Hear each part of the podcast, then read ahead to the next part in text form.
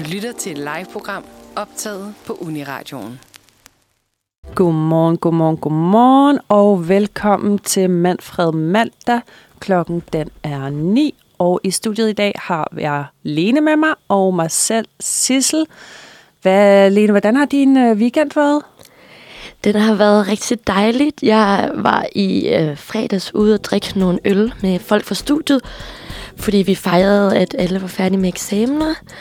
Så øh, lørdag, der hyggede jeg lidt med en veninde, og så øh, skal jeg snart her, efter vi lige har sendt hjem til Jylland og i sommerhus. Ej, det lyder også mega hyggeligt.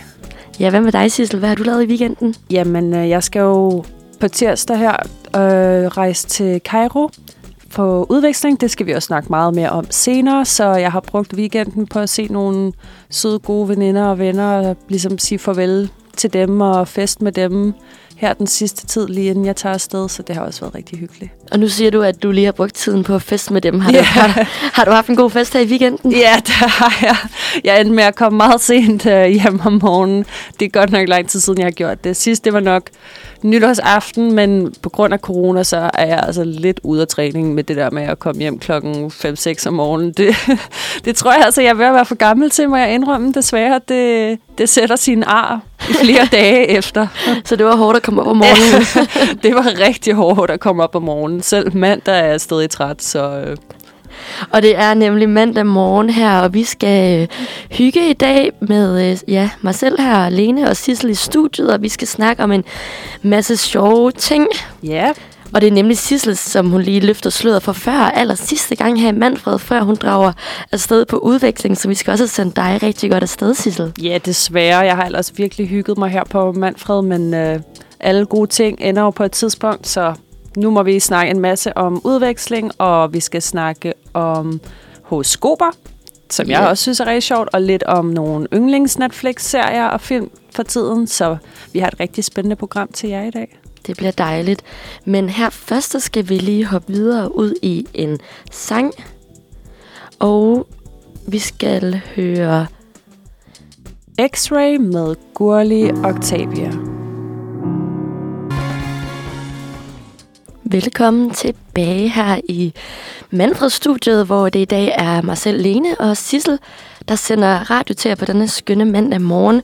Og Sissel, du løftede jo lige lidt sløret for, hvad vi skulle snakke om før, og du nævnte også, at du jo skal på udveksling øh, i morgen. Ja, præcis. Jeg flyver afsted i morgen kl. 11 om formiddagen til Cairo, og det glæder jeg mig rigtig meget til, på trods af, at jeg faktisk først begynder på universitetet dernede den 13. februar. Så tænkte jeg, at jeg godt lige vil tage derned og falde lidt på plads og bare nyde og opleve byen, inden jeg begynder tilbage i skole. Det forstår jeg godt, og jeg tror, vi er mange, der undrer eller er lidt nysgerrige på, hvorfor Cairo, og hvad er det, du læser, og hvad, altså, Ja, hvad skal der ske? Det er også et rigtig godt spørgsmål. Det er der mange, der har spurgt mig om, hvorfor lige Cairo, fordi det nok er lidt en af de destinationer, der ikke er helt lige så typiske at tage på udveksling til. Det tænker jeg også. Øh, ja, men jeg læser som sagt øh, arabisk og mellemøststudier, så i den forbindelse, så er det jo selvfølgelig meget oplagt at, øh, at tage til et arabisk talende land. Og så er jeg så heldig, at på mit studie, så er jeg går her på fjerde, eller starter på fjerde semester, og der er det mere eller mindre obligatorisk at tage til et arabisk talende land, for ligesom at altså, lære sproget bedre, og lære at tale med de lokale, og kulturen og historien selvfølgelig også. Ja, og hvor godt har du styr på sproget så? kan vi lige få Ja, nogle det er- lektioner i lidt arabisk? Det er et rigtig godt spørgsmål. Um, vi har så lært det, som hedder moderne standard arabisk. Og jeg ved ikke rigtig, hvad man kan sammenligne det med, men det er ligesom... Uh, det er svært at forklare, men, men det er ikke et sprog, som folk taler. Det er det arabiske, der står for eksempel i Koranen, eller i sådan nogle videnskabelige bøger, eller nogle enkelte film og så videre på sproget. Men det er ikke noget, folk i, sådan, i dagligdagen eller mellem hinanden taler, så jeg skal lære den egyptiske dialekt, som er, altså den læner sig meget op af det moderne standard arabiske, men det er lidt anderledes, så de bruger nogle andre ord og nogle andre vendinger og sådan noget. Men jeg håber da, at det går, og på nogle punkter er det også meget mere simpelt end den anden form for arabisk. Men jeg glæder mig, det, jeg glæder mig rigtig meget til, det er, når jeg kommer derned, og så lige kan sige nogle rigtig interne slangord, og de tænker, damn, hvem er den danske pige, der lige kan Den snakke lille Sissel. præcis egyptisk? Ej, det lyder da mega fedt. Ja. Men hvad, i skolen, der foregår undervisning ikke på engelsk, eller er det på arabisk, eller hvordan? Ja, det kommer nok til at være primært på arabisk, og selvfølgelig nogle gange, så er det godt, at der lige bliver kommer over i engelsk, for der, der er lige nogle ting, der er for besværlige at forklare. Men det kommer til at være mig og seks andre studerende fra, altså fra min årgang, fra mit studie, som bliver sendt derned. Og så får vi simpelthen, altså det kommer bare til at være os seks i klassen, der får undervisning af en lærer. Så det bliver meget sådan intern Københavns Universitet, lille boble i Cairo. Ej, hvor hyggeligt. Det Skal I så bo hyggeligt. sammen så også, eller hvordan fungerer det? Ja, altså jeg har aftalt med en veninde i hvert fald, at vi vil prøve at finde et sted at bo sammen, fordi der er også nogle enkelte problemer med i forhold til at bo dreng og pige sammen. Det er ikke umuligt, men det er lidt mere besværligt. Og der er nogen, der helst ikke vil have, at altså, drenge og piger bor sammen, hvis de ikke er i familie eller er gift med hinanden. Ja. Så vi tænker, at vi gør det nemt for os selv. Mig og min veninde prøver, når vi kommer derned, har de sagt, det er bedst, at du skal vente til, når du kommer derned. Okay, what? Så du rejser i morgen og har ikke noget sted at bo i det næste halvår? Ja, øhm, jeg, jeg, har, jeg låner så en lejlighed af en, en af mine venner, hans øh, søster i Canada, så jeg har fået lov til at bo der, indtil jeg finder et mere permanent sted. Men det er meget typisk, man tager ned og bor på hotel eller hostel, og så er det egentlig bare noget med at gå lidt ud i gaderne og spørge folk, om øh, kender du en, der leger en lejlighed tilfældigvis, eller søge lidt på Facebook, eller spørge i nogle hotelreceptioner. Altså, de har jo rigtig gode Ægypterne til lige at have en ven, eller en fætter, eller et eller andet andet til at hjælpe med de praktiske ting. Så ja, det, øh, det er helt klart nemmere, når man først er dernede. Så kan man også se, om altså, er der varmt vand i hanen, og virker aircondition, og så videre. Og hvordan er vejret dernede nu her? Nu nævner du selv aircondition. Ja, altså lige nu er det, var jo, jeg tror, jeg tjekkede det, cirka sådan 15-16 grader om dagen. Så det er selvfølgelig varmere end her, men det er ikke hedebølge. Men det bliver, altså om sommerperioden, så bliver det mellem de der 20 og 30 grader. Og Ja. Jeg var der faktisk i sommer, så der var det, oh, der var det næsten 40 grader. Det var lige lidt for meget, men det bliver selvfølgelig først i august eller juli eller sådan noget. Ej, hvor vildt. Det lyder Ja. mega spændende. Jamen, jeg glæder mig også så meget. Altså, jeg har jo også sagt til jer, I må endelig ringe, og så må jeg rapportere ned fra Cairo, hvis det er, og fortælle lidt om, hvordan livet er der, når først jeg er kommet derned. Du bliver simpelthen vores øh, personlige øh, korrespondent fra øh, Lige præcis. Cairo her, Sissel. Ja. Ej, det var fedt. Og hvad, har du fået pakket? Er du klar? Er det i morgen? Det er sjovt, du spørger. Faktisk ikke rigtigt. jeg har lidt en idé om, at altså selvfølgelig har jeg tænkt mig at pakke nogle ting, men lige meget hvor meget jeg pakker, så kommer jeg sikkert til overhovedet ikke at bruge noget af det, jeg pakker, og ende med at købe alt muligt andet i stedet for. Så jeg har ikke rigtig tænkt så meget over det. Det er mere bare lige med at have et par bukser, nederdel og noget nattøj, en tandbørste, og så resten skal jeg nok finde ud af, når først Ej, man er dernede. fedt. Ja. Det lyder som et fantastisk eventyr, du skal ud Ja. på. Og vi glæder os til at høre meget mere om det, når du er kommet afsted. og Ej, om jeg du, det er sådan lidt en cliffhanger. Finder hun et Ja. sted at bo? Finder hun en lejlighed? Skal hun bo på gaden hele resten af semesteret? Tune, tune in to find out. To Ja. be continued. Ej, hvor fedt. Jamen, øh, for jeg har jo også selv været på udveksling. Ja. Det var bare tilbage i 10. klasse, hvor jeg var på high school i USA, som jo også er ble- efterhånden blevet en... Øh, altså, noget mange gør, ligesom at tage på efterskole, så tage Absolut. på udveksling. Men det kan vi lige snakke meget mere om efter den næste sang. Yes, og vi skal høre Ringet til Johannes med Thomas Høfting. Hej, godmorgen og velkommen tilbage til Manfred Mandag. Vi skal snakke lidt mere om udveksling, fordi Lene, du røbede jo lige, at du også har været på udveksling i USA, og det kan jeg da huske for mig selv dengang, at det var min store drøm at komme til USA. Hvordan var det? Har du ikke lyst til at fortælle lidt om din oplevelse? Jo, helt sikkert. Altså, det er jo lidt noget andet end en udveksling med uni, fordi man jo for det første er meget, meget yngre. Jeg Ja. var jo lige blevet 16 år dengang, og det var efter 9. klasse, og inden jeg så skulle starte gymnasiet, at jeg besluttede mig for at se ud på det eventyr. Ja. Øhm, og man er jo også bare et andet sted i livet, og man, altså, når jeg tænker tilbage på det nu her, så kan jeg godt undre mig over, at jeg bare har tænkt, ja, ja, jeg skal bare afsted og væk og ikke se mine forældre i et helt år i den alder. Det er altså også virkelig lang tid, som sagt. Jeg tror altså aldrig, jeg har gået et helt år uden ald- ikke at se mine forældre eller min familie. Nej, lige præcis. Og jeg, altså, jeg kan tydeligt huske, at det var ikke noget, der rørte mig overhovedet. Ja. Jeg har også, øh, altså, jeg er skilsmissebarn og øh, har jo skiftevis været hos min mor og min far, siden jeg var øh, 6 år gammel. Så jeg har jo aldrig... Altså, jeg har været vant til at være væk fra den ene Ja. eller den anden, og på, på den måde bliver man jo også lidt stærk i forhold til hjemvej. Men altså, jeg kan huske, at jeg glædede mig bare helt vildt, og der var sommerfugl i maven, og min far, han kørte mig så hele vejen herover til Københavns Lufthavn, Nå, hvor vi skulle flyve fra. Ja, selvfølgelig. Og der kan jeg huske, så begyndte han at græde, da vi skulle sige Åh. farvel. Og jeg var sådan, men far, hvorfor græder du? Det er da mega fedt det her. Det er da en Ja. glædesdag. Altså, Ja, jeg skal ja. afsted, det bliver nice. Og han var sådan, jamen altså, jeg kommer jo ikke til at se dig et helt år. Jeg, og, og nu hvor jeg tænker tilbage, og nu var jeg også selv er blevet, altså 10 år ældre. Ja. næsten, så kan jeg også tænke sådan, at når jeg engang får børn, at altså, jeg håber fandme aldrig, mine børn vil væk i et helt år, Nej. fordi det må da være næsten ubærligt, men Men det er også det, det har jo været mega fedt for dig, men for dem, så har jo været ligesom en anden altså, historie, fordi de har skulle undvære dig et år, hvor du har været derhen og oplevet en masse spændende og sjove ting. Lige præcis. Men det var mega fedt, og jeg tror, altså, det første råd, jeg vil give, det er virkelig bare, og det kan jeg faktisk huske, det var min, min moster, hun sagde det også til mig, dengang jeg skulle afsted, fordi min moster har også været på udveksling Ja. i 10. klasse øh, på high school i USA, så jeg fik lidt inspiration fra hende, og så kan jeg huske, at øh, jeg var over hos hende og lige sådan snakke om det, inden jeg skulle afsted, og, sådan, og der kan jeg huske, hun bare sagde til mig, at uanset hvor fjollet jeg selv synes, det er, eller hvor anderledes kulturen er, eller hvor, øh, altså, hvor, hvor nyt det er, så skal man altså bare springe ud i det og gøre det. Jeg husker, hun sagde for eksempel, at amerikanere går jo meget på dates. Ja, ja, ja. Og det gør de jo helt ned i den her alder af 16 år. Så Ja. tager de ud og, øh, og spiser is med hinanden, eller tager over i den lokale hvad, altså, øh, bowlinghal, eller altså sådan nogle, ligesom man ser på film, så går Ja. de på de der dates. Og der kan jeg huske, det, altså jeg kom jo lige fra 9. klasse her hjemme i Danmark, og jeg havde da aldrig været på nogen dates, så altså, det var jo det, det, det, det er kikset herhjemme. Det er først noget, man er begyndt på her, når man er blevet ældre. Ja, og jeg synes også, det først altså, er blevet en ting i Danmark her de seneste par år. Altså, der har, jeg har da tit hørt om, altså i, i, for 10 år siden, der gik man bare generelt ikke på dates i Danmark. Heller Nej. ikke sådan som ældre. Lige præcis. Men det sagde hun til mig, at det skulle jeg altså bare gøre, og huske på, at det var jo helt almindeligt altså Ja. for dem, og der var jo ikke noget skørt i det. Så det tror jeg, jeg vil sige, Sissel, at uanset om du skal tænke og rulle lidt øjne af det, var sådan, hold op, det er mærkeligt, så skal man altså bare kaste sig ud i det og gøre det Absolut. hele, og så bliver det mega fedt. Absolut. Fik du så, kom du så ud på nogle dates? Ja, jeg var der på nogle øh, få dates, men øh, altså, det, det må jeg sige, at jeg synes, de er nogle virkelig skønne mennesker, amerikanere, og de er virkelig dejlige.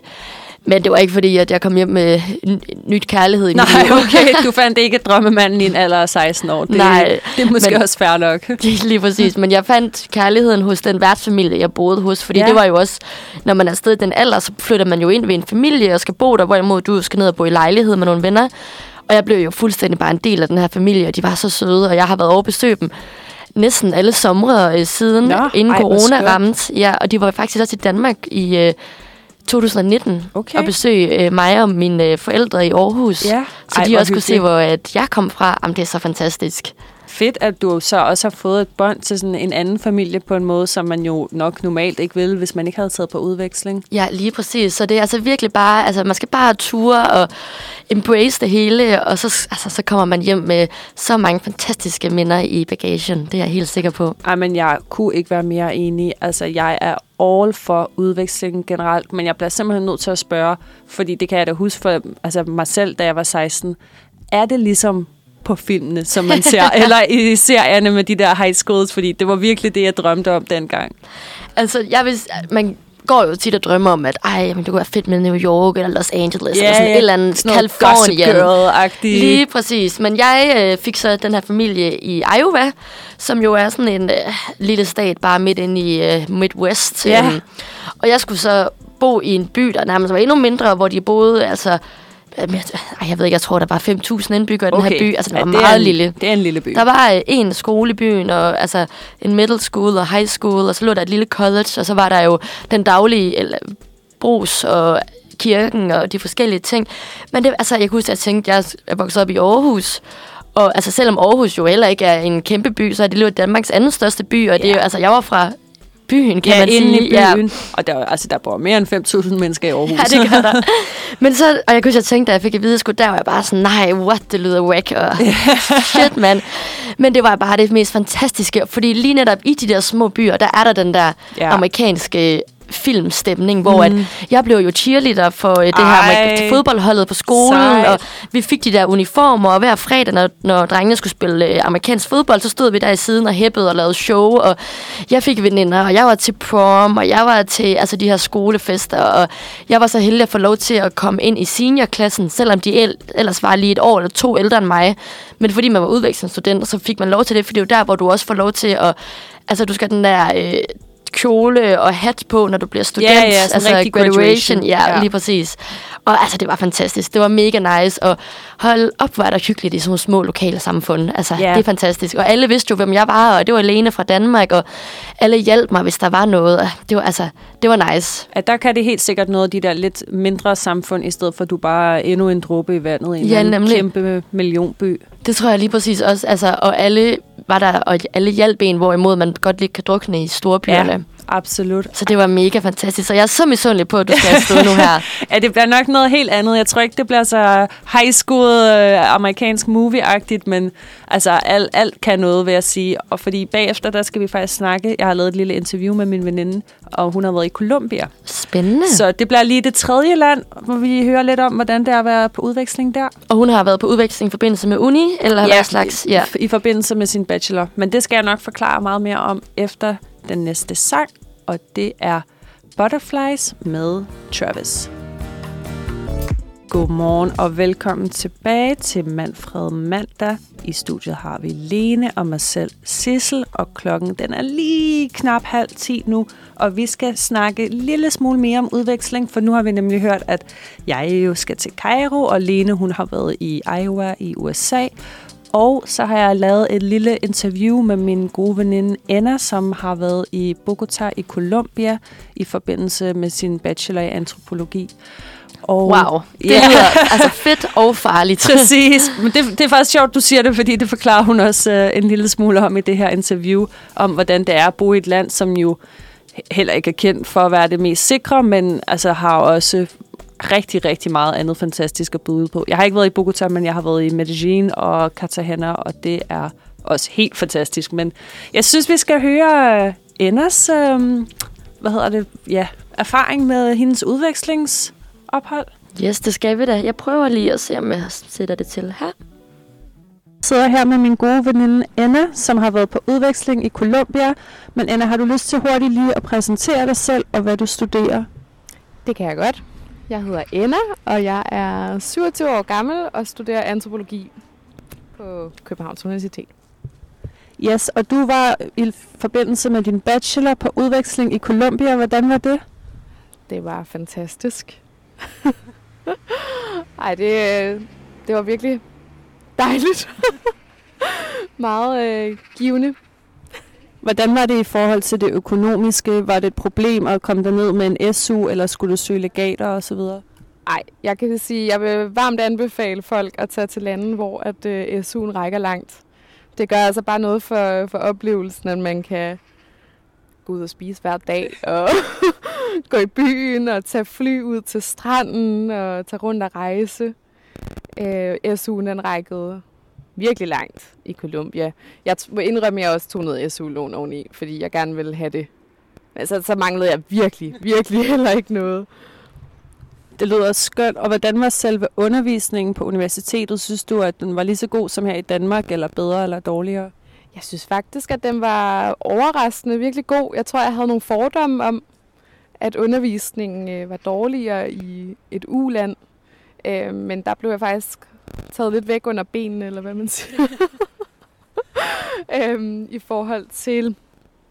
Altså man kan sige, at undervisningen var, var anderledes end i Danmark, fordi man var, det var lidt mere den version, som vi ser i USA, tror jeg. Man har nogle masse, man har mange fag og små fag, øh, i stedet for store fag, og så bliver man testet løbende øh, på samme måde, øh, og i stedet for at skulle skrive store, lange eksamener. Øh, men de havde et virkelig spændende udvalg af mange mærkelige fag, som man aldrig ville have, have haft muligheden for at tage på KU. Øh, og nogle super dygtige lærere, der var sådan, der, der arbejdede med, med det, som de studerede, eller hvad hedder det, underviste i professionelt. Det var meget godt. Altså, de havde faktisk sådan, de bedste journalister i landet nærmest til at undervise i de journalistiske fag, for eksempel, og, og skuespillere til at undervise i teater, og så det var, ja, Og hvad hvis der er nogen, der går og drømmer om at tage på udveksling i Colombia? Hvad for et råd vil du så give dem? gør det, men har også, altså, vær forberedt på, at det er et land, hvor der kan ske lidt af hvert.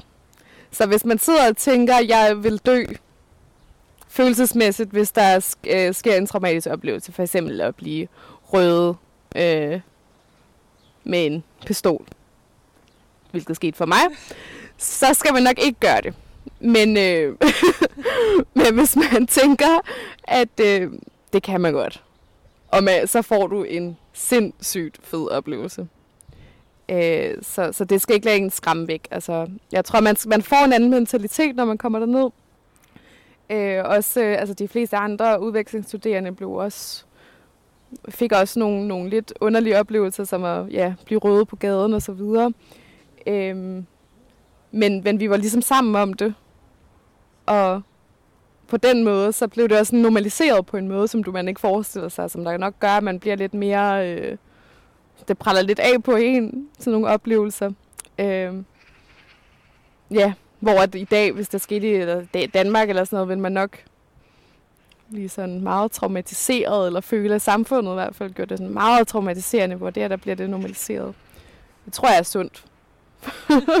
for, for mange, faktisk. Og hvordan synes du det i forhold til at få venner dernede? Var det nemt også i forhold til lokalbefolkningen og de andre studerende? Så nemt. Jeg kan forestille mig, at, øh, at Colombia er en af de lande, hvor det er aller, aller nemmest at få lokale venner også. Øh, hvor at vi har været en rigtig god blanding af udvekslingsstuderende og lokale. Øh, der var virkelig en, en god dynamik. Jeg synes også, at man skal tænke over at tage til et land, hvor man også øh, altså får et indblik i, hvordan hverdagen er for de mennesker. Man får nogle venner, som rent faktisk kommer dernede, øh, eller kommer fra, hvor man er. Øh, det, det er en stor del af, af mig. For mig er det en, en vigtig del af oplevelsen. Tusind tak for din øh, erfaring og for at dele dine oplevelser med os. Det var så lidt. What? Ja, det var lidt vildt at høre den Blev- historie. Hvordan kan hun tale om at blive røde, som om det bare er hverdagsting? Hold kæft, hun er blevet hård af at være Ja. ja. i Colombia. Ja, men det, jeg kunne godt forestille mig, at det giver lidt øh, hård hud på fingrene, eller hvad man siger. Ej, Øh, men hun er okay. Altså, der skete ikke noget med, når de blev røde. Nej, hun fortalte mig lidt om historien bagefter, at det var noget med, at selvfølgelig, der var en, der ville, det ville røve hende, og så vidt jeg kan huske, var hun også sammen med nogle andre veninder, men det var lidt et problem, fordi de ikke rigtig havde noget at, at give ham, og mm. det altså, fungerede ligesom ikke rigtigt for ham. Så jeg tror, hun endte med at, at give ham sin telefon, eller noget i den dur. Ej. Ja, det er en Hvor vild vildt. historie. Det er en vild Men historie. fantastisk at have prøvet at bo i Colombia. Altså, Ja. jeg tør jo nærmest ikke engang rejse derhen. og så har hun boet der og Ja. læst og studeret. Ej, men det er så sejt. Det er så sejt. Og jeg tror, som hun siger, altså det åbner virkelig et helt andet verdenssyn om, hvordan mm. nogle mennesker bor og lever. Ja. Ikke? Altså, Men det er jo det, altså udveksling, det er virkelig en, en mega fed og sund idé for alle mennesker at lige komme ud og se, hvordan det er Ja. uden for Danmarks grænser. Og det er jo også derfor, man faktisk i sin tid øh, begyndte på det her med udveksling i 10. klasse, som jeg jo var på.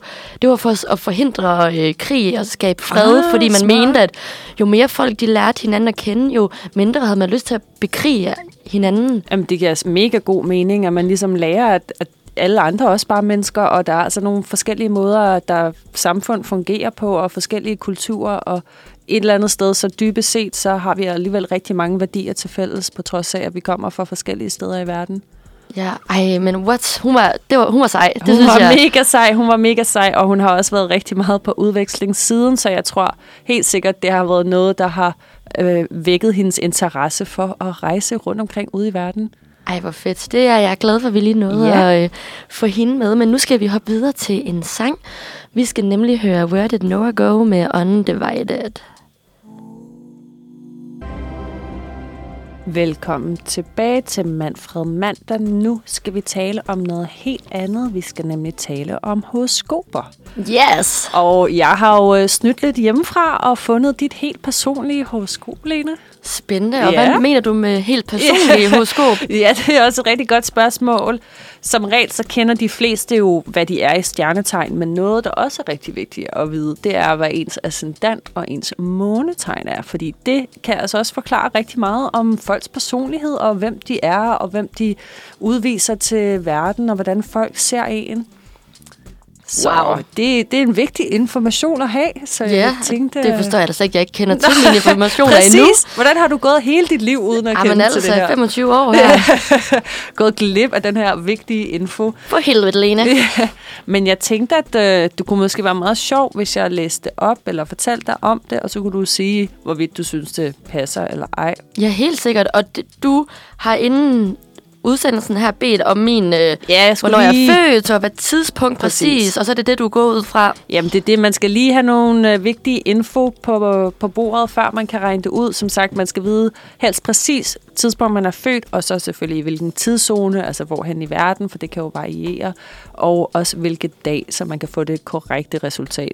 Jeg har prøvet selv også at finde ud af det med mig selv, men problemet er, at ingen af mine forældre kan huske, om jeg blev født klokken 11, eller halv 11, eller halv 12. Nej. Ja, jeg ved godt, det er lang tid siden, jeg er blevet født mor og far, men øh, det kunne I godt lige have skrevet ned, Ja, jeg. altså der har min mor jo været fantastisk. Jeg, jeg, jeg har sådan en lille gammel billedbog derhjemme, hvor at på allerførste side, der er der sådan en lille lyserød seddel, hvor der står, at øh, barnet er blevet født på Skyby sygehus, og så er der lige, hvad jeg vejer og hvornår, og, og der er jo faktisk præcis klokkeslæt. Mor, og nu kan jeg ikke huske, hvad var det, hvad var det sådan noget, 5.47, eller hvad var det? Ej, jeg tror, det var, det, det var lidt i fem, tror jeg, om Ja. morgenen. Ja.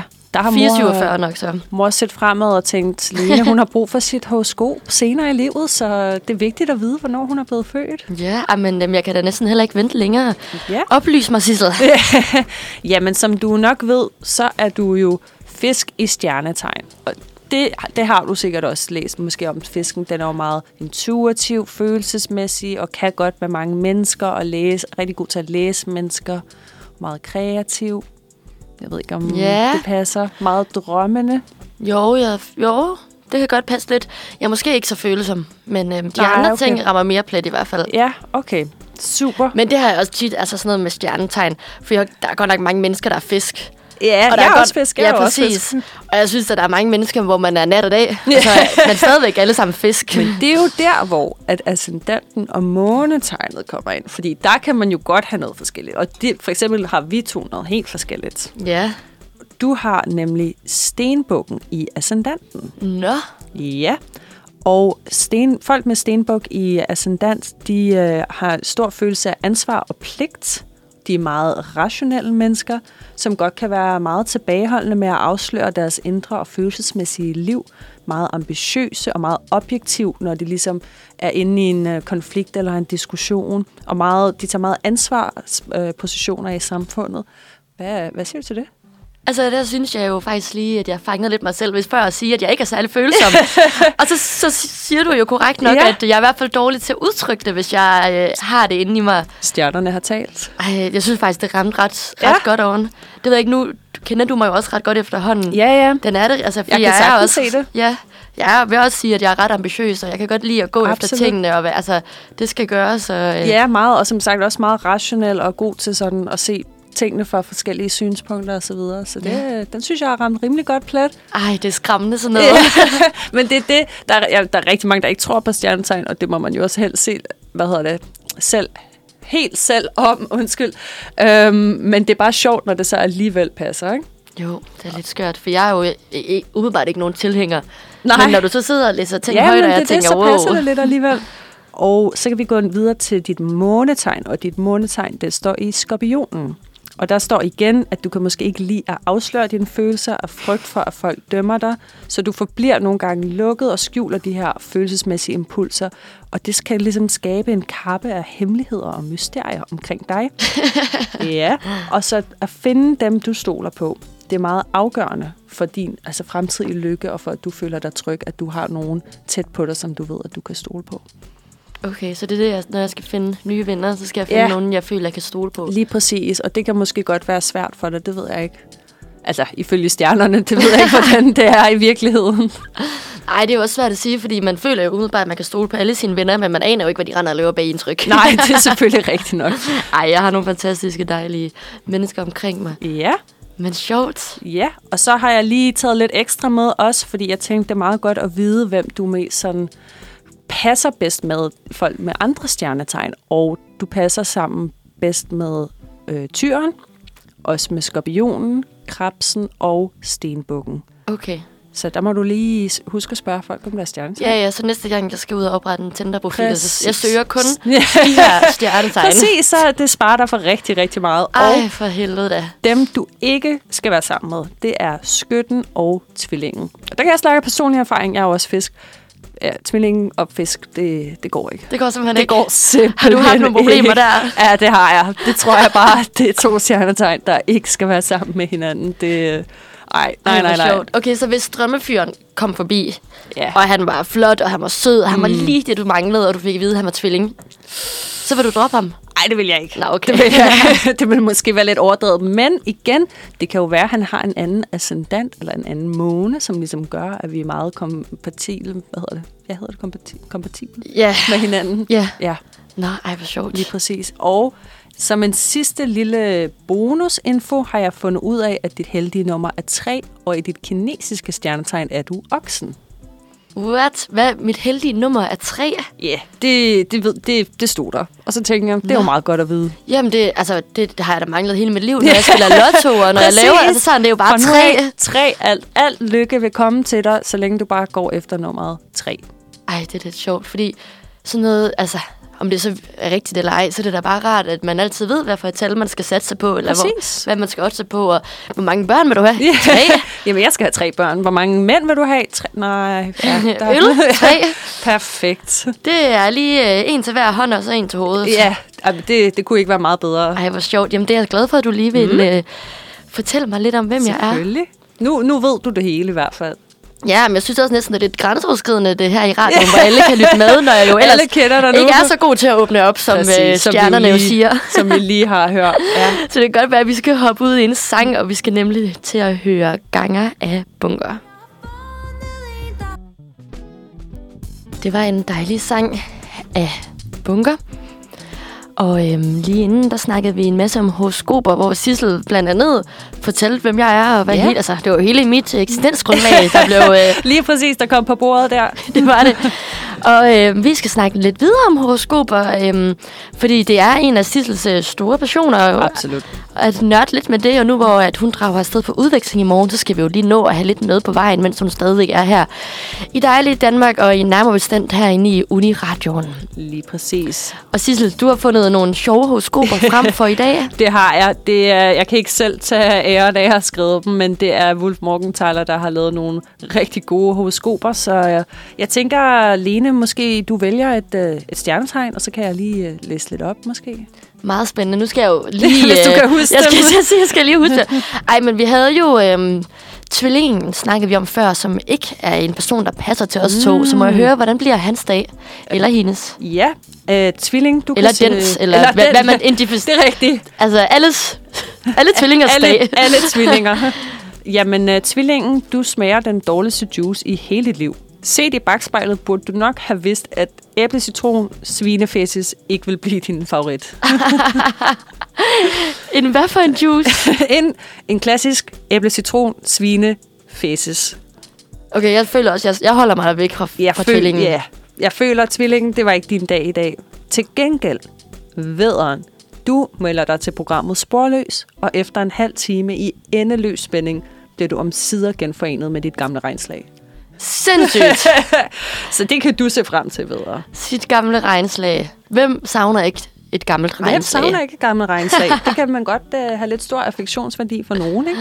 Jo, jo, det bliver, det bliver en god dag i dag. En anden, skorpionen, du kan se frem til, at du får held i spil, men kun i kongespil, og kun på tirsdag kl. 13.37 til 13.40. Til gengæld får du aldrig mere held i kærlighed. Det vil sige, altså på tirsdag, det er jo så i morgen. Ja, der skal du skynde dig at spille kongespil i, hvad har du, 10, nej, 3 minutter.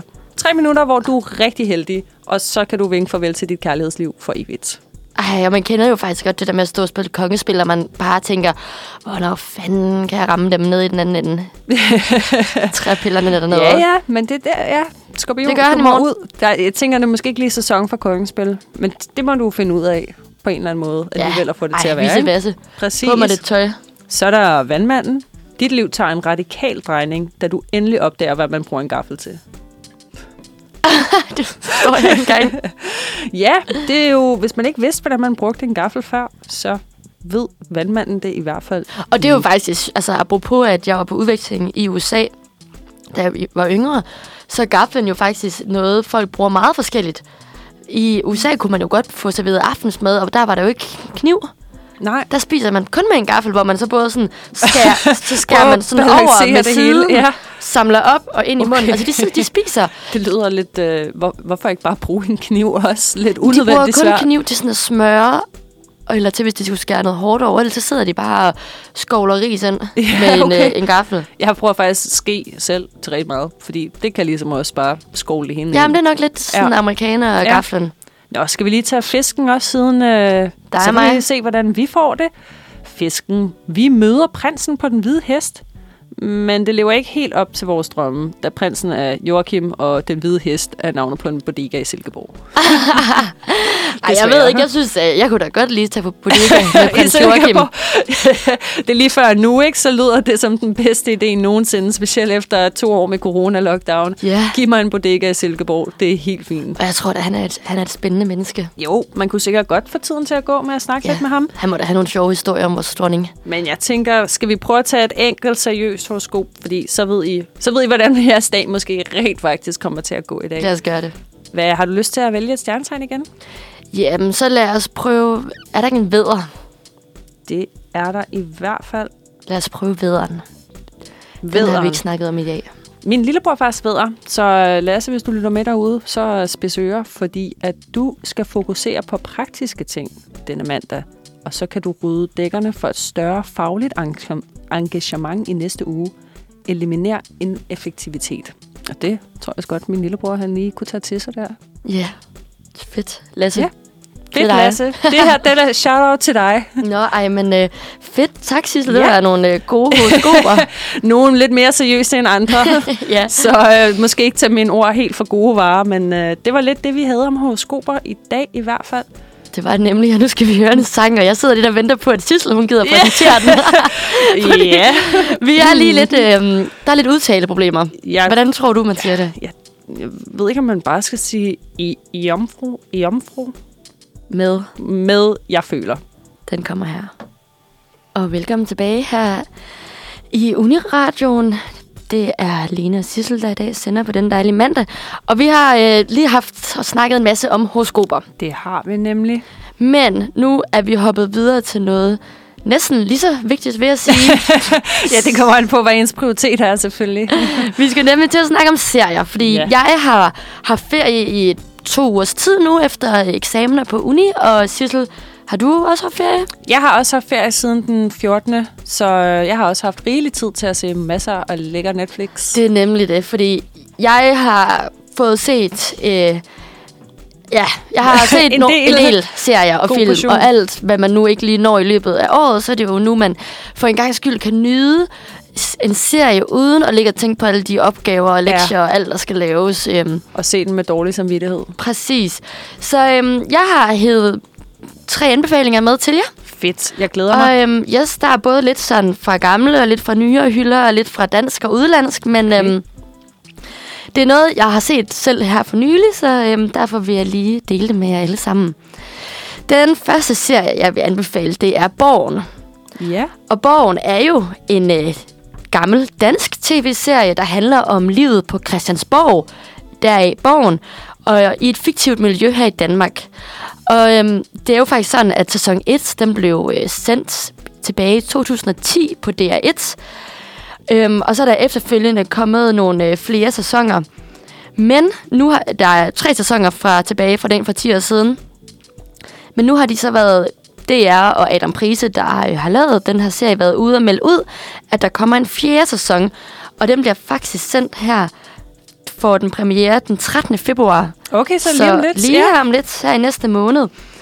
Så øh, derfor gik jeg i gang med, altså jeg har, jeg kan godt huske, at jeg har set de første nogle afsnit, altså i 2010, der har jeg været 13 år gammel. Ja. Men jeg kan godt huske, at mine forældre så det derhjemme, og den kørte på DR1 hver søndag, og at, øhm, at man har fulgt lidt med, men jeg har aldrig sådan fået set den rigtigt. Og så så jeg, at den øh, lå inde på Netflix, og så tænkte jeg, at det skal jeg da gøre.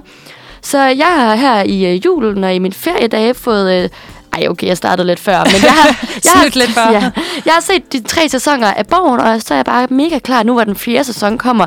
Så det er jo ret fedt, at de, øh, at de tager den op igen. Fordi jeg Absolut. synes altså, og det er jo kæmpe girl power, det handler jo om hende her, øhm, øh, Sisse Knudsen er skuespilleren, og hun spiller hende her Birgitte Nyborg, som bliver Danmarks øh, første kvindelige statsminister, og hun er altså bare girl power, og Ja, man kan også lære en hel masse om, hvordan livet inde på Christiansborg fungerer. det er altså også ret interessant, når det alligevel altså kommer, det er vores regering, ikke? hvordan fungerer det internt? Lige præcis. Og så synes, nu er jeg jo også flyttet her til København, og den blev jo optaget i København og rundt i gaderne, så det er ret, Ja. altså, der er meget, man kan ikke genkende til. Men har Absolut. du nogensinde set den? Jeg har set den ja, der i første omgang øhm, for de der knap 10 år siden, så jeg husker det ikke mega tydeligt, men jeg kan godt huske nogle af, af episoderne og så videre, men det er hvad jeg skal se nogle af de nye sæsoner så, og få catchet Yes. op igen. Yes. Og videre til min næste serieanbefaling, så øh, der har gået åbenbart gået lidt girl power over mig, jeg ved ikke, men øh, der vil jeg gerne anbefale The Crown, Ah, ja. som jo er en amerikansk-britisk tv-serie, der er skabt og skrevet af Peter Morgan. Og øh, den ligger også på Netflix, og den handler jo om øh, dronning Elisabeths regeringstid over i England. ja. Og øhm, der er øh, lige pt. fire sæsoner, og jeg har, er godt i gang med at se dem, og det, altså, det er igen en... Øhm, altså, den er jo historisk, og den er baseret på øh, virkelige begivenheder, mm. og jeg lærer igen helt vildt meget af at se den, samtidig med, at der er lidt spænding, og der er lidt kærlighedsaffærer og forskellige altså, ting, der gør det fedt at se, så er den også bare mega lærerig. Ja, men det synes jeg er mega godt, at du både kan lære noget og se noget underholdende, og også bare se, jeg har hørt, den skulle være meget altså, historisk akkurat, også med Nemlig. altså, outfitsene og begivenhederne, der er sket osv. Lige præcis. Altså, vidderligt, altså et afsnit tager lige sådan en, en times tid, så det er også lange øh, afsnit. Men altså seriøst, efter hvert afsnit, der er jeg lige inde på Google og var sådan, Var what det skete sådan, det her virkelig? Ja. Og så kommer der billeder frem, og det er bare en til en. Altså det Jamen, det skete. det. Og de har godt nok haft nogle, øh, altså den, den familie over i England, den, den royale familie der, de har, de Der er har altså været gode til problemer. at skabe lidt øh, drama, det Ja. synes jeg. Ja, men det er meget interessant at få os igen et indblik i noget, man måske heller ikke normalt vil vide så meget om. Ja, lige præcis. Og øhm, lige nu er der fire sæsoner inde på Netflix, men der øhm, er vist blevet meldt ud, at de er i gang med at lave en femte sæson, der skal komme her i 2022. Okay. Og så er der faktisk også lidt rygter om, der måske skulle komme en uh, sjette og sidste sæson. Så hvis man endnu ikke er kommet i gang med The Crown, så skal man bare få åbnet op og trykket play, fordi så er der nye sæsoner på vej snart. Sådan. Jeg tænker også, det kan godt tage lidt tid, hvis man lige skal catch up på fire sæsoner, hvor hver afsnit tager en time. Så har man i hvert fald de næste mange uger fastlagt, hvad man skal lave der. Ja. Ej, det er forfærdeligt, så hurtigt det er gået for mig. Men ej, jeg sluger det bare. Når Ja. jeg, det er farligt, det der med at gå i gang med en er serie, fordi så kan jeg ikke lade være, indtil jeg er færdig. Og så bliver man jo mega ked af den, når den er færdig, fordi så kan man ikke se mere. Lige præcis. Og så, øhm, så, så fordi jeg, vi aftalte, at vi skulle have tre anbefalinger med, og fordi jeg aldrig kan gå et sted hen uden at anbefale den her serie, så har jeg simpelthen valgt at tage Friends med. Det er også en klassiker. Og det er nemlig bare, fordi det er en klassiker, for den er jo også rigtig gammel, og det første afsnit blev sendt tilbage i 94. Og der er ikke nogen nye afsnit på vej, af hvad jeg ved af, desværre. Det vil være en overraskelse. Men det er simpelthen altid bare en go-to, så hvis I ikke ved, hvad I skal lave derude, så sæt jer ned og se Friends. Der er også masser af episoder og sæsoner at tage fat på, hvis man ikke har set det endnu. Lige netop, det er mega nice. Men øhm, det var mine Ja, tre anbefalinger. rigtig gode anbefalinger, synes jeg helt sikkert. Yes, og så skal vi høre din lige om lidt, Sissel. Mm. Men først så skal vi lige høre en sang, og vi skal til at høre The Only Way med From. Vi skal snakke lidt videre om serier, fordi lige inden sangen her, der præsenterede jeg mine tre anbefalinger for noget øh, ferie-watching, øh, serie, hvad man kan hygge sig lidt med. Og Sissel, Ja, du har også tre anbefalinger klar til os. jeg har også tre anbefalinger klar, og det er måske nogle lidt anderledes anbefalinger. Øhm, det får vi at se, men, øh, men øh, det er nogle serier, jeg har set i, i årenes løb her, som jeg synes er rigtig gode, og jeg synes, folk skal tjekke ud. Og den første, jeg har valgt, det er Ethos, som er en tyrkisk serie, der blev udgivet i 2020, og den handler om den her unge kvinde, Miriam, som er, hun er en rengøringshjælp hos en lidt rigere mand, og så har hun det her problem med, at hun bliver ved med at besvime ud af det blå, og hun tager til en psykolog for ligesom at bearbejde det. Og så finder man ligesom ud af, at den følger forskellige personer rundt omkring i Tyrkiet og i, i Tyrkiets samfundslag og så videre. Og på en eller anden måde, så er alle de her personer ligesom connected med hinanden, og det giver et virkelig godt indblik i, ja, hvordan samfundet er i Tyrkiet, men også bare generelt sådan et socialrealistisk drama. Og den spiller egentlig meget langsomt ud, men det er alligevel nok til, at man bliver virkelig fanget hver afsnit. Den er ret kort. Jeg kan ikke huske, jeg tror, det er sådan noget maks 8 afsnit eller noget. Men, men jeg synes, den er virkelig, virkelig god.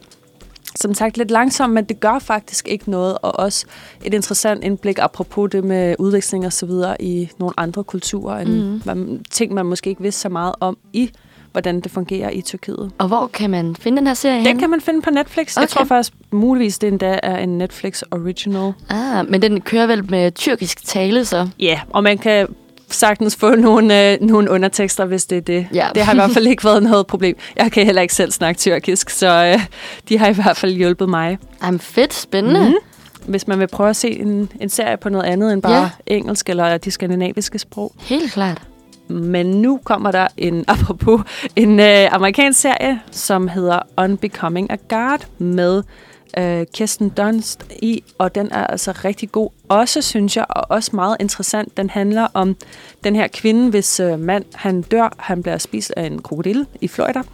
Og lige pludselig står hun, ja, det er ret øh, dramatisk, og lige pludselig så står hun alene med et næsten nyfødt barn, og ved ikke lige, hvordan hun skal tjene penge til det. Så hun Åh. bliver involveret i sådan en pyramide-scheme, øhm, og skal ligesom prøve at, at leve af det, men ser, hvor umuligt det er, og hvor mange altså, trin man ligesom skal op af den her trappe, for rent faktisk at kunne leve af den her scheme, fordi det jo af gode grunde ikke er lavet til, at det skal være et rigtigt arbejde. Ja. Og det er meget også igen et interessant indblik i, hvordan sådan nogle pyramid schemes fungerer, og hvor fuldstændig umuligt det er rent faktisk at tjene nogle penge på det. Altså, nu er jeg måske lidt dum, men hvad er en pyramid scheme? Jamen, det er også et rigtig godt spørgsmål faktisk. Øhm, Det er noget, som egentlig er generelt rundt omkring i, i verden. Det har sikkert, måske er det startet i USA, det ved jeg faktisk ikke, men det handler ligesom om, at der er en boss, som siger, okay, jeg har de her produkter, tit så er det sådan noget øhm, healthy smoothies, eller et eller andet nutrients, eller nogle proteinbar, eller et eller andet produkt, Ja. og du tjener så penge ved at sælge de her produkter. Men jo flere du rekrutterer ind i den her branche ved at sælge de her produkter, det er faktisk der, du tjener penge. Og det er rigtig, rigtig svært egentlig at få solgt de her produkter og få tjent penge på de her produkter, så du ender med at skulle rekruttere folk mere og mere og mere, og så er der jo flere og flere og flere, der bliver fanget i det her, og det er næsten umuligt at komme ud af. Ah, I hvert fald gældfrit er. Det er en kæmpe ting, og jeg ved ikke engang, hvordan det får lov at eksistere. Men det, det kan man også se meget mere om i den her serie, hvor, altså, hvordan man virkelig kan blive fanget i det her. Ja. Det, Nå, ja. Vildt. Mm, den Og den hed Unbecoming a Guard og Un- ligger også på Netflix. ligger også. Alle, alle de her serier ligger på Netflix. Det er mit uh, go-to-medie for at se uh, serier. Sådan. Ja, og så har jeg taget en film med også, og den er faktisk også tyrkisk. Ja, sjovt, øh, fordi at jeg, jeg kan faktisk meget godt lide, at der er mange gode tyrkiske øh, tv- og film, øh, tv-serier og film, fordi at det primært i den mellemøstlige verden, så er det primært i Tyrkiet, at der bliver produceret medier. Okay. Øhm, ligesom i den store del af den altså østasiatiske verden, der er det jo tit i Korea, at de producerer rigtig mange ja. øh, serier. Og den her film, Ja, den altså hedder, den vestlige verden, hvor det er hvor Hollywood. det præcis tit er USA, der producerer, og så videre, og så det videre. giver god mening. Øhm, så har hver ligesom, kontinent deres eget land, der producerer mest. Øhm, men den her film, den handler om øh, nogle skraldemænd i Istanbul, og hvordan det her liv er ligesom i bunden af, af fødekæden. Og så finder hovedpersonen Mehmet, øh, den her lille dreng, øh, i det her, hvor, hvor de bor i det her skralde, skralde samfund, eller hvad man kan sige. Og så tager han ham ligesom under sine vinger og prøver at hjælpe ham, fordi at han ikke har nogen forældre, eller han kan i hvert fald ikke finde sine forældre. Og det lyder jo som en smuk feel-good-film. Og da jeg så den først, så så jeg den også i den intention, at det ville være en feel-good-film. Men det kan jeg afsløre for jer, at det er det desværre overhovedet ikke. nu skal jeg ikke spoile.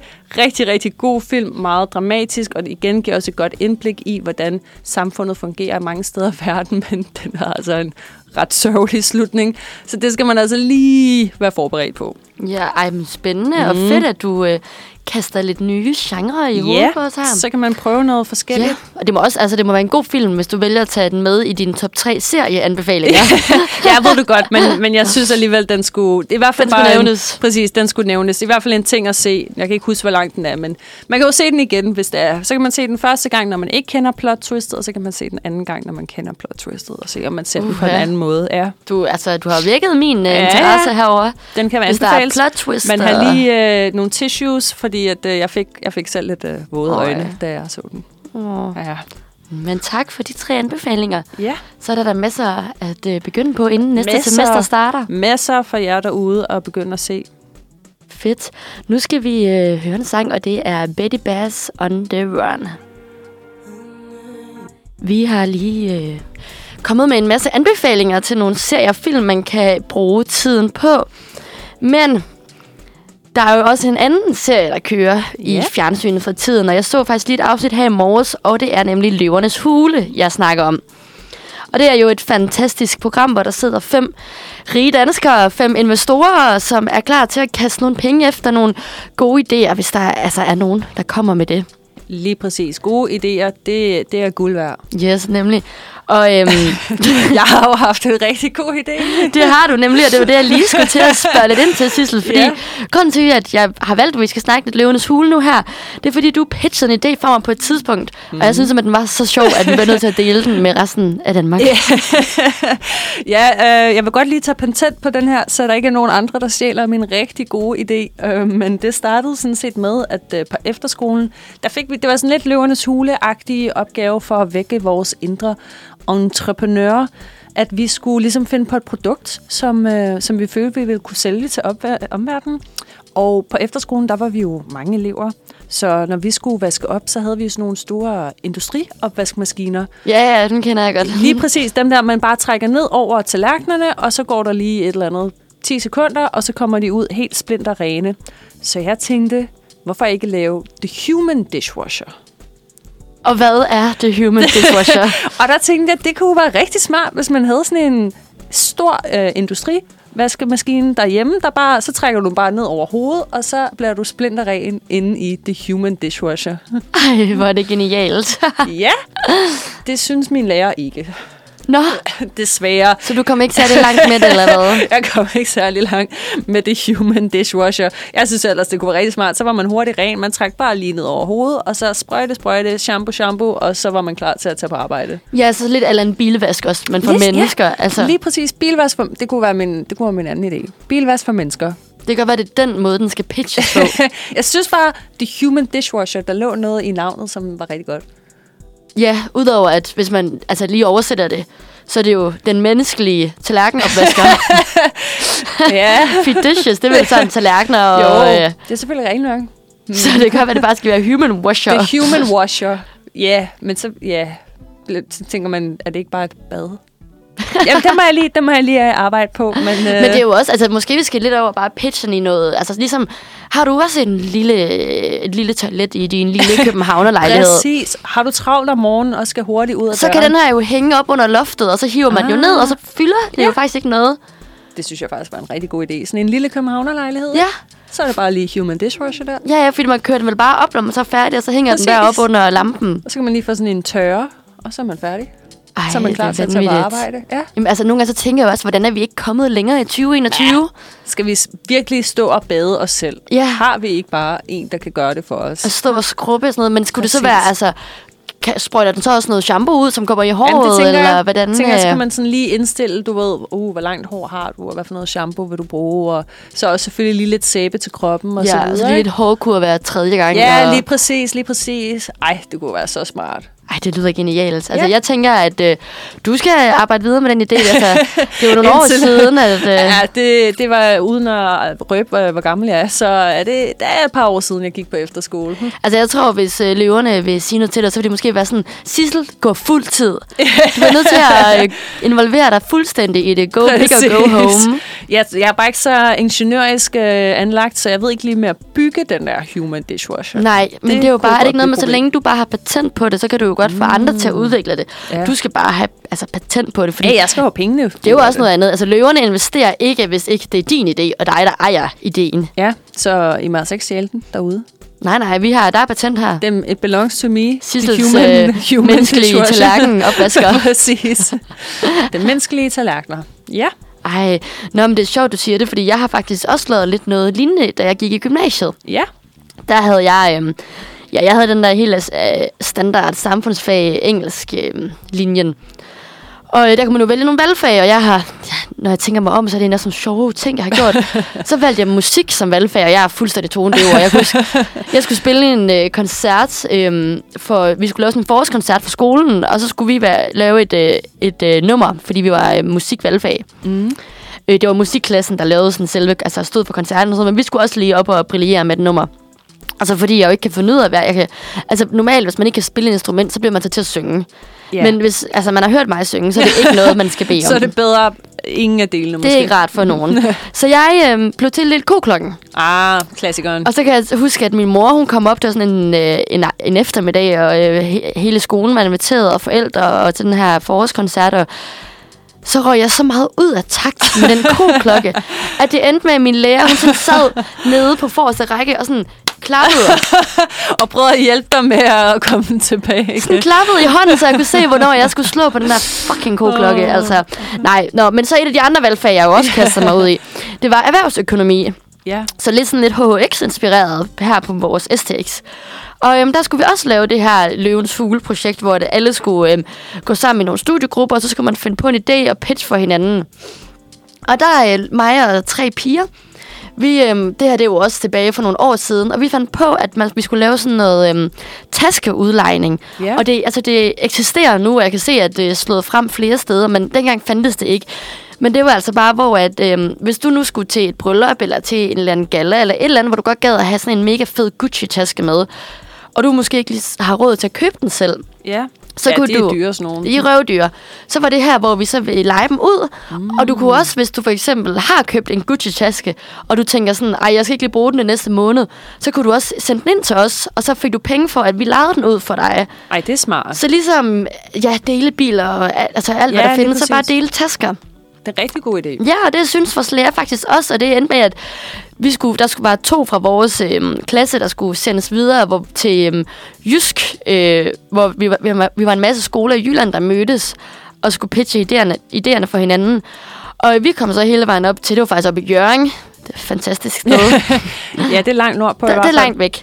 Men, øhm, og da vi kom op til Jørgen, og der var de også mega vilde med vores idé, så der endte det også med, at vi faktisk øhm, gik videre. Okay, Og så skulle vi så til København for at møde med landet, altså med, hvor der kom folk fra hele landet, dem der var gået videre ude i de andre kredse. Og øhm, så vi, jeg kan huske, der var en morgen, så skolen betalte jo det hele, så skulle vi med toget over til København på tur, bare mig og mine tre veninder der i vores ja. studiegruppe, og vores lærer var med. Og så skulle vi så pitche ideen her i København. Og jeg kan blandt andet huske, at der var der nemlig nogle investorer, der var med. Og der var det sådan, at dem, der vandt, de så fik en investering. Og jeg kan huske, en af de investorer, der var, det var for eksempel ham, der har øh, startet Tier-butikken, eller Tiger of... Ja, ja. Flying Ej, Tiger hedder fedt. det vist Ja, ja. nu. Jamen, han, er, han har været rigtig god. Han har også lavet rigtig mange andre ting, og investeret generelt i rigtig mange andre ting. Ja, lige præcis. Men øh, vi kom så hele vejen til København, og øh, altså, vi gik ikke videre. vi fik ikke nogen investering med hjem, så det er faktisk en super dårlig historie. Lad os snakke lidt mere om koklokken i stedet for. Ej, jeg synes, det var en god historie, en rigtig Ja. god idé, og Ej. ja, godt tænkt. Det der, om ikke andet er det fedt, I fik en gratis støtte til København af Og det. var mega hyggeligt, at vi fik, altså, og det gav, gav også 12 til sidst, så det Okay. var jo øh, fedt. Ej, så men, var øhm, det ikke helt spildt. Men jeg kan huske, at nogle af de andre unge mennesker, der kom til den her sidste landssamling, øh, de, der, der var nogen, der havde fundet på en idé, og den er ikke, jeg har ikke set den derude endnu, men jeg synes, at den var så smart. Men det var, hvor at, øhm, du skulle sidde, altså hvis du gik på bar, så skal man jo op i baren og bestille tre øl og stå i kø Ja. og vente og sådan noget. Men det her, det var sådan, hvor du sad nede ved dit øh, bord, og så logger man ind på en app og bestiller øl, og så får du besked på din app, når bare til den har lavet dem, og så går du op, henter dem og går ned igen. Jamen, jeg har faktisk, øh, jeg ved ikke, om du har været, hvad hedder den, Pincho inde i byen. Lille smule samme koncept. Nå, så er det måske hvor du også slå frem. bestiller over en app, og så siger den, når det... Jeg tror, de Ja. kommer ned med maden, men selve drikkevarerne skal du selv gå op Ja. og hente. Rigtig smart. Jamen det er fordi, ja, man har da godt prøvet, hvor man har stået i kø en halv time, Ej, og så kommer der bare den ene store fyr ind over den Ja. ja. anden, og man kommer aldrig helt frem til den bar, Specielt der... i en bar, ikke? hvor der ikke er sådan en rigtig køkultur, men det bare handler om at få bartenderens opmærksomhed hurtigst muligt. Lige præcis, men øh, nej, så det synes jeg var, øh, det var nice, men øh, ja, vi fik desværre ikke nogen investering med hjem. Men hvis man vil se nogen, der har nogle fede idéer og får nogle gode investeringer, så skal man jo bare lige hoppe ind på DR og se Løvernes Fugle. Præcis, og måske se snart mig inde i løvernes hule med min human dishwasher. og Ej, jeg Lene på koklokke ved siden af. Det er, øh, det er værd at opleve. er det en men det kan godt være, at øh, altså, jeg kan jo snakke øh, videre om min øh, ko-klokke-oplevelse længe, men måske vi skal, jeg ved ikke, om vi skal hoppe videre i en sang, Jo, Sissel. det lyder som en rigtig god idé. Vi skal høre Pleasure Raft med Words. Velkommen tilbage til Manfred Mandag. Nu er klokken, ja, den er lige lidt over halv 11 nu, og vi skal snakke lidt om ting, man burde gøre noget ofte. ja, vi skal så. fra en helt fantastisk Instagram, Instagram, Instagram øh, profil, og den har altså der er virkelig nogle guldkorn på den. Så jeg tænkte vi skulle læse nogle af dem op og, og synes om, om se om vi har lyst til at gøre dem lidt oftere. ja. Jamen, jeg kan da lige starte. Jeg har øh, fundet mine yndlings her, som også den, de postede for nylig. Og der står, at man burde gøre, altså det her burde man gøre noget oftere. Vise med fingrene, hvor gammel man er. det, kan, det er lige før, vi kan tage lidt, øh, lidt tid, jo ældre man bliver. Jamen, jeg kan bare lige forestille mig sådan, der skal sådan, Lena, hvor gammel er du bliver? Så står jeg der, 5, 10, 15, 20, 25. altså ligesom da man var tre år gammel, var sådan tre år. Præcis. den, er, den er i hvert fald rigtig god. Der er også en, øh, det burde man gøre noget oftere. Sige sit mobilnummer som et helt tal. Det kan jeg da ikke engang. Så, så mit mobilnummer er øh, 333 millioner 5.007. Ej, det tror jeg sgu også. Det, skal, det vil lige tage mig lidt tid og sådan, okay, hvad, hvad er mit mobilnummer egentlig? Det sidder lige og går op for mig, at de ting her, det er egentlig, hvis man gør det, så er man jo et røvirriterende menneske. Ja, præcis. Det er sådan lidt den værste person, man kender. oh, der er også en øh, kommentar grine græde smiley på folks selfies. den er altså den er lidt streng i hvert fald. Og jeg synes også, at øh, den her er ret sjov. Øh, det burde man gøre noget oftere. Virke overrasket over, at en kammerat blev lukket ind på klubben. Lukkede de der seriøst ind, Sissel? Piger, Sissel, kom ind. det er svært ikke at tage personligt i hvert fald, hvis der var nogen af ens venner, der gjorde det. Eller, hvad kunne man også gøre noget oftere? Invitere sig selv ind under en fremmeds paraply. Hov, hov. Jeg, kom, jeg kommer lige her. Det regner da lidt godt. det kunne hurtigt blive lidt akavet, specielt i de her coronatider, ikke? føler jeg, at der er nok nogen, der vil kigge lidt skævt til dig, hvis det var noget, du begyndte på. ja, ligesom den, der står hernede. Det burde man gøre noget oftere. Sige til en ven, man møder tilfældigt. Der stod på SnapMap, du var her. Fuck, man virker som en syg stalker. Eller der er også en anden, som jeg synes er rigtig god, er at bruge emojis ude af kontekst. Står der for gaven til mormor? Eggplant emoji, cable car emoji. Ej, de er altså virkelig sjove. At min all-time favorite, det er også, øh, og den er jo efterhånden gammel, men det er, at øh, det her burde man gøre noget oftere. Sige en racerlyd, når man overhælder folk på cykelstien. Bare hvis man skal have det lidt sjovere der om morgenen, når man er på vej til skole eller arbejde. eller den her, vende fronten mod folk i en elevator, i stedet for mod døren. Bare stå og kigge dem direkte ind i øjnene. Hvor kunne man bare gøre en ellers meget normal situation virkelig akavet. så hvis man er den sidste, der kommer ind, og man så bare vender sig og står og kigger lige ind i folk. Ja, præcis. Ej ja, hvor, hvor er det også vildt, så meget oh. kutume det er, at man går ind og vender ryggen præcis, til. Præcis, præcis. Og sådan, hvor hurtigt man bare kan gøre det til sådan en virkelig, virkelig akavet situation. Ej, den er virkelig sjov. Åh, oh, ja, ej, der er altså nogle gode. ja. De er virkelig sjove alle sammen. Der, ej, jeg bliver lige nødt til at komme med den sidste her. Kom med den. Bekræfte sine venners usikkerhed. Synes godt nok, jeg ser noget ophustet ud i dag. Ja, Kirsten og jeg snakkede faktisk godt om det tidligere. oh, hvor kan man bare være en nederen person, hvis man prøvede på det. Ej, ligesom den her. Det må man gøre noget oftere. Vække folk for at spørge, om de sover. det føler jeg faktisk sådan noget, der virkelig tit sker. Specielt da man var, sådan, var lille og var på lejerskole, eller havde sådan nogle sleepovers hos ens venner og veninder. Sover du? Sådan her. Ja, hvis jeg ikke gjorde det før, så gør jeg det i hvert fald overhovedet ikke nu. Ej, det er sjovt. Ja, den her Instagram kan varmt anbefales, vil jeg sige. Det burde man gøre noget oftere. Have et VIP-område til sin egen privatfest. Ej nej, Susan, du kan ikke komme ind i køkkenet. Det er VIP herinde. Ej, hvor kan man altså bare hurtigt blive et nederen menneske. Altså, der er nogle gode tips herude. Ej, og sådan her, den er jo meget oplagt lige nu. Det burde man gøre noget oftere. Sige det til sin kammerat i køen i supermarkedet. Det her det er altså sidste gang, at vi bryder coronakarantænen. Hvis man lige skal se folk svede lidt bagud. Ej, og der er masser og masser af flere, og siden hedder bare, det burde man gøre noget oftere inde på Instagram. Gå ind og giv dem et uh, follow, og så kan Ja. du uh, få nogle dejlige grin i løbet af din dag. Lige præcis. Og så hvis der er nogen af jer, der gør nogle af de her ting, så vil vi meget gerne høre fra jer. Hvad reaktionerne var. Skriv til os på Instagram. Præcis. Ej, men øh, nu skal vi til at høre en sang. Og vi skal høre Thinking About You med Hjalte Ross. Og vi er ved at være nået slutningen af programmet her. ja. Denne dejlige mandag, eller vi er i hvert fald godt på vej. Men først så skal vi selvfølgelig have ugens anbefalinger, som vi kommer med her hver mandag. Hvor vi øh, fortæller om nogle fede ting, der sker i omkring København i den kommende uge. Lige præcis. Og øhm, jeg kan da lige øh, læse den første højt her på onsdag, den 26. Der hylder de øllen med en festlig omgang ølbingo ved Broens Skøjtebane i samarbejde med Nørrebro Bryghus. Øh, arrangementet det løber af stablen, øh, ja, som sagt, på onsdag fra 17 til 18.30 i allerbedste bingo-stil med gode præmier, iskolde øl i lange baner og dejligt selskab. Og det koster 130 kroner per person, og så får man tre øh, sådan, øh, New York lager øl fra Nørrebro Bryghus, og dertil hørende spilleplader. Og det er også tre stykker per person, og der kan man øh, gå ind og købe øh, billet på madbillets.dk. Det lyder da mega sjovt. Det tror jeg det bliver ret sjovt. Desværre er jeg jo ikke i landet på det tidspunkt. Ellers så vil jeg da gerne have været med til det. Ja, nej, det er rigtigt. Du er smuttet i morgen. Jeg er smuttet lige præcis, men på onsdag den 26. Hvis I ikke har lyst til at lave ølbowling, så kan I også tage i Cinemateket. Og der vil de vise, de har nemlig stumfilms tema The Artist. Øhm, og så kan man få film, tapas og cocktails. Cocktailen, det er en gin Ricky. Så får man lige noget tapas og noget dessert, og det koster 215 kroner med alt inkluderet.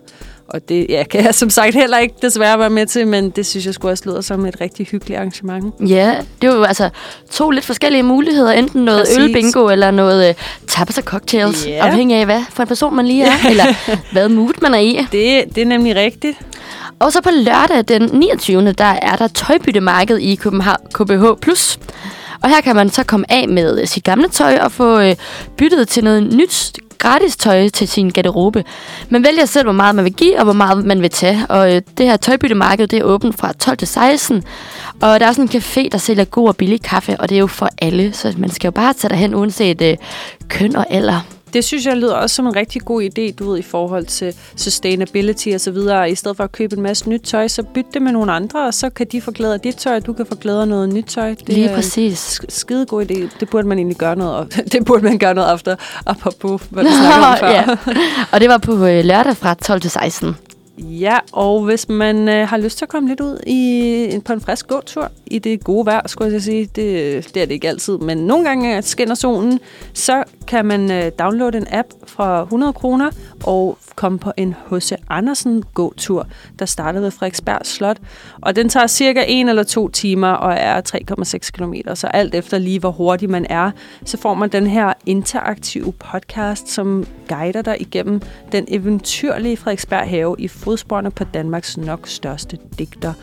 Så det hvis man ikke lige ved, hvad man skal lave, og der kan man jo selv ligesom styre det, og du må, kan også godt dele den her app mellem to personer, så kan du prøve det og komme lidt ud og høre om noget andet, og komme på en frisk gåtur i en smukke Frederiksberg have. Fedt. Og det er vel alle dage her i ugen? Det, I princippet er det jo når som helst, kan man mm. sige. Man skal jo bare følge appen og dens instrukser, så det er jo meget smart, hvis man ikke lige, hvis man har lidt tidspresset schema, så kan man selv finde ud af, hvornår man har tid til det. Mega god idé. Det lyder spændende. Ja. Og så er der faktisk øh, også en anden ting på lørdag den 29. For der holder fotoskolen øh, Fata Morgana, de er inviteret til afgangsudstilling for efterårsholdet 2021 på øh, Urban 13 under øh, Bispe... Nu er jeg jo ikke indfødt københavner, men hvordan er det, man siger det? Bispeng, Bispebuen, er det ikke bare det? Jo, den store vej der mellem Frederiksberg og præcis. Nørrebro. Ellers så Google Maps will Ja. show you. Men de udstiller deres arbejde i form af film og fotos, og øh, deres arbejde er meget forskelligartet og kunstnerisk og genremæssigt. Øh, så det er mega spændende, så det skal man da bare gøre. Det var øh, på lørdag fra 11 til 21. Og en sidste ting er, at øh, fastelavnsbollesæsonen er begyndt. Det har jo været en kæmpe ting, og specielt sidste år. Så man kan jo også øh, hygge sig lidt med det, finde ud af, hvor ens øh, yndlingsfastelavnsbolle den er henne. Dem i lavkagehuset er selvfølgelig fantastiske, men man betaler også lidt prisen med det. Så jeg vil sige, jeg fik en i Føtex forleden, der faktisk også var virkelig god og en helt del billigere. Hvad er du for en fastelavnsbolle-type? Med eller uden flødeskum? Ej, altså det, jo mere creme og flødeskum, jo bedre. Det skal bare være sådan minimum en lille smule dej, og så bare fylde den godt op okay. med alt muligt andet. Så ikke til de gamle traditionelle, men til den lidt mere nye moderne med fyldt ja, med alt lige muligt. præcis, lige præcis, hvor de nærmest ikke, altså, de sprænger af alt muligt lækre, og specielt når de putter sådan noget rabarber og jordbær og blåbær. Mm, det går lige i Ja. hjertet. Men Jeg synes også, jeg, har, jeg fik en fra lavkagehuset, der bare var, hvor det var plain flødeskum. Det synes jeg Ej, det er var lidt lidt for kedeligt. meget. Det er lidt for meget. Det skal være, jeg kan godt lide, når det er lidt syrlige hindbær i. lige præcis. Fordi det den kan del er noget. så meget sød øh, fornøjelse. Ja, men virkelig sådan, så får du lige det der lidt friske frugt i, og så videre. Så det kan varmt anbefales, hvis man ikke ved, hvor man skal lave. Så gå en tur og køb en lækker fastelavnsbolle, og så hygge dig med det hvert fald. Lige præcis. Og det var øh, ugens anbefalinger herfra. Ja, og nu skal vi høre en sang, og det er Death by Unga Bunga med Live Until I Die. Velkommen tilbage til Manfred Mandag. Vi er ved at være ved vejs ende nu. Desværre, fordi det er jo mit sidste program. Åh, Sisse. Åh, ja. Jeg ville da godt have sendt lidt længere, men sådan bliver det jo nogle gange.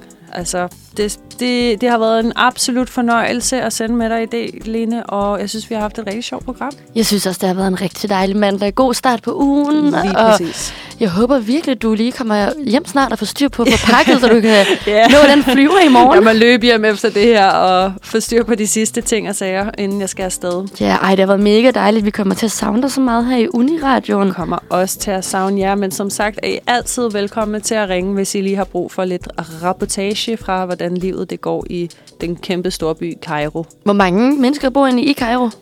Jeg tror, de, de, de skyder på omkring 16 millioner. What? Så det er lidt mere end øh, ja, tre gange Danmark, basically, i en stor by. Det er løgn. Og tænk, vi synes jo, at København er stor. Præcis, præcis. Det, er, det, ja, det kan man slet ikke forestille sig, hvor meget større det er. Ej, hvor er det vanvittigt. Ja, det er rigtig mange mennesker. Men så er der også rigtig mange mennesker at hænge ud med og have det sjovt med og få nye venner.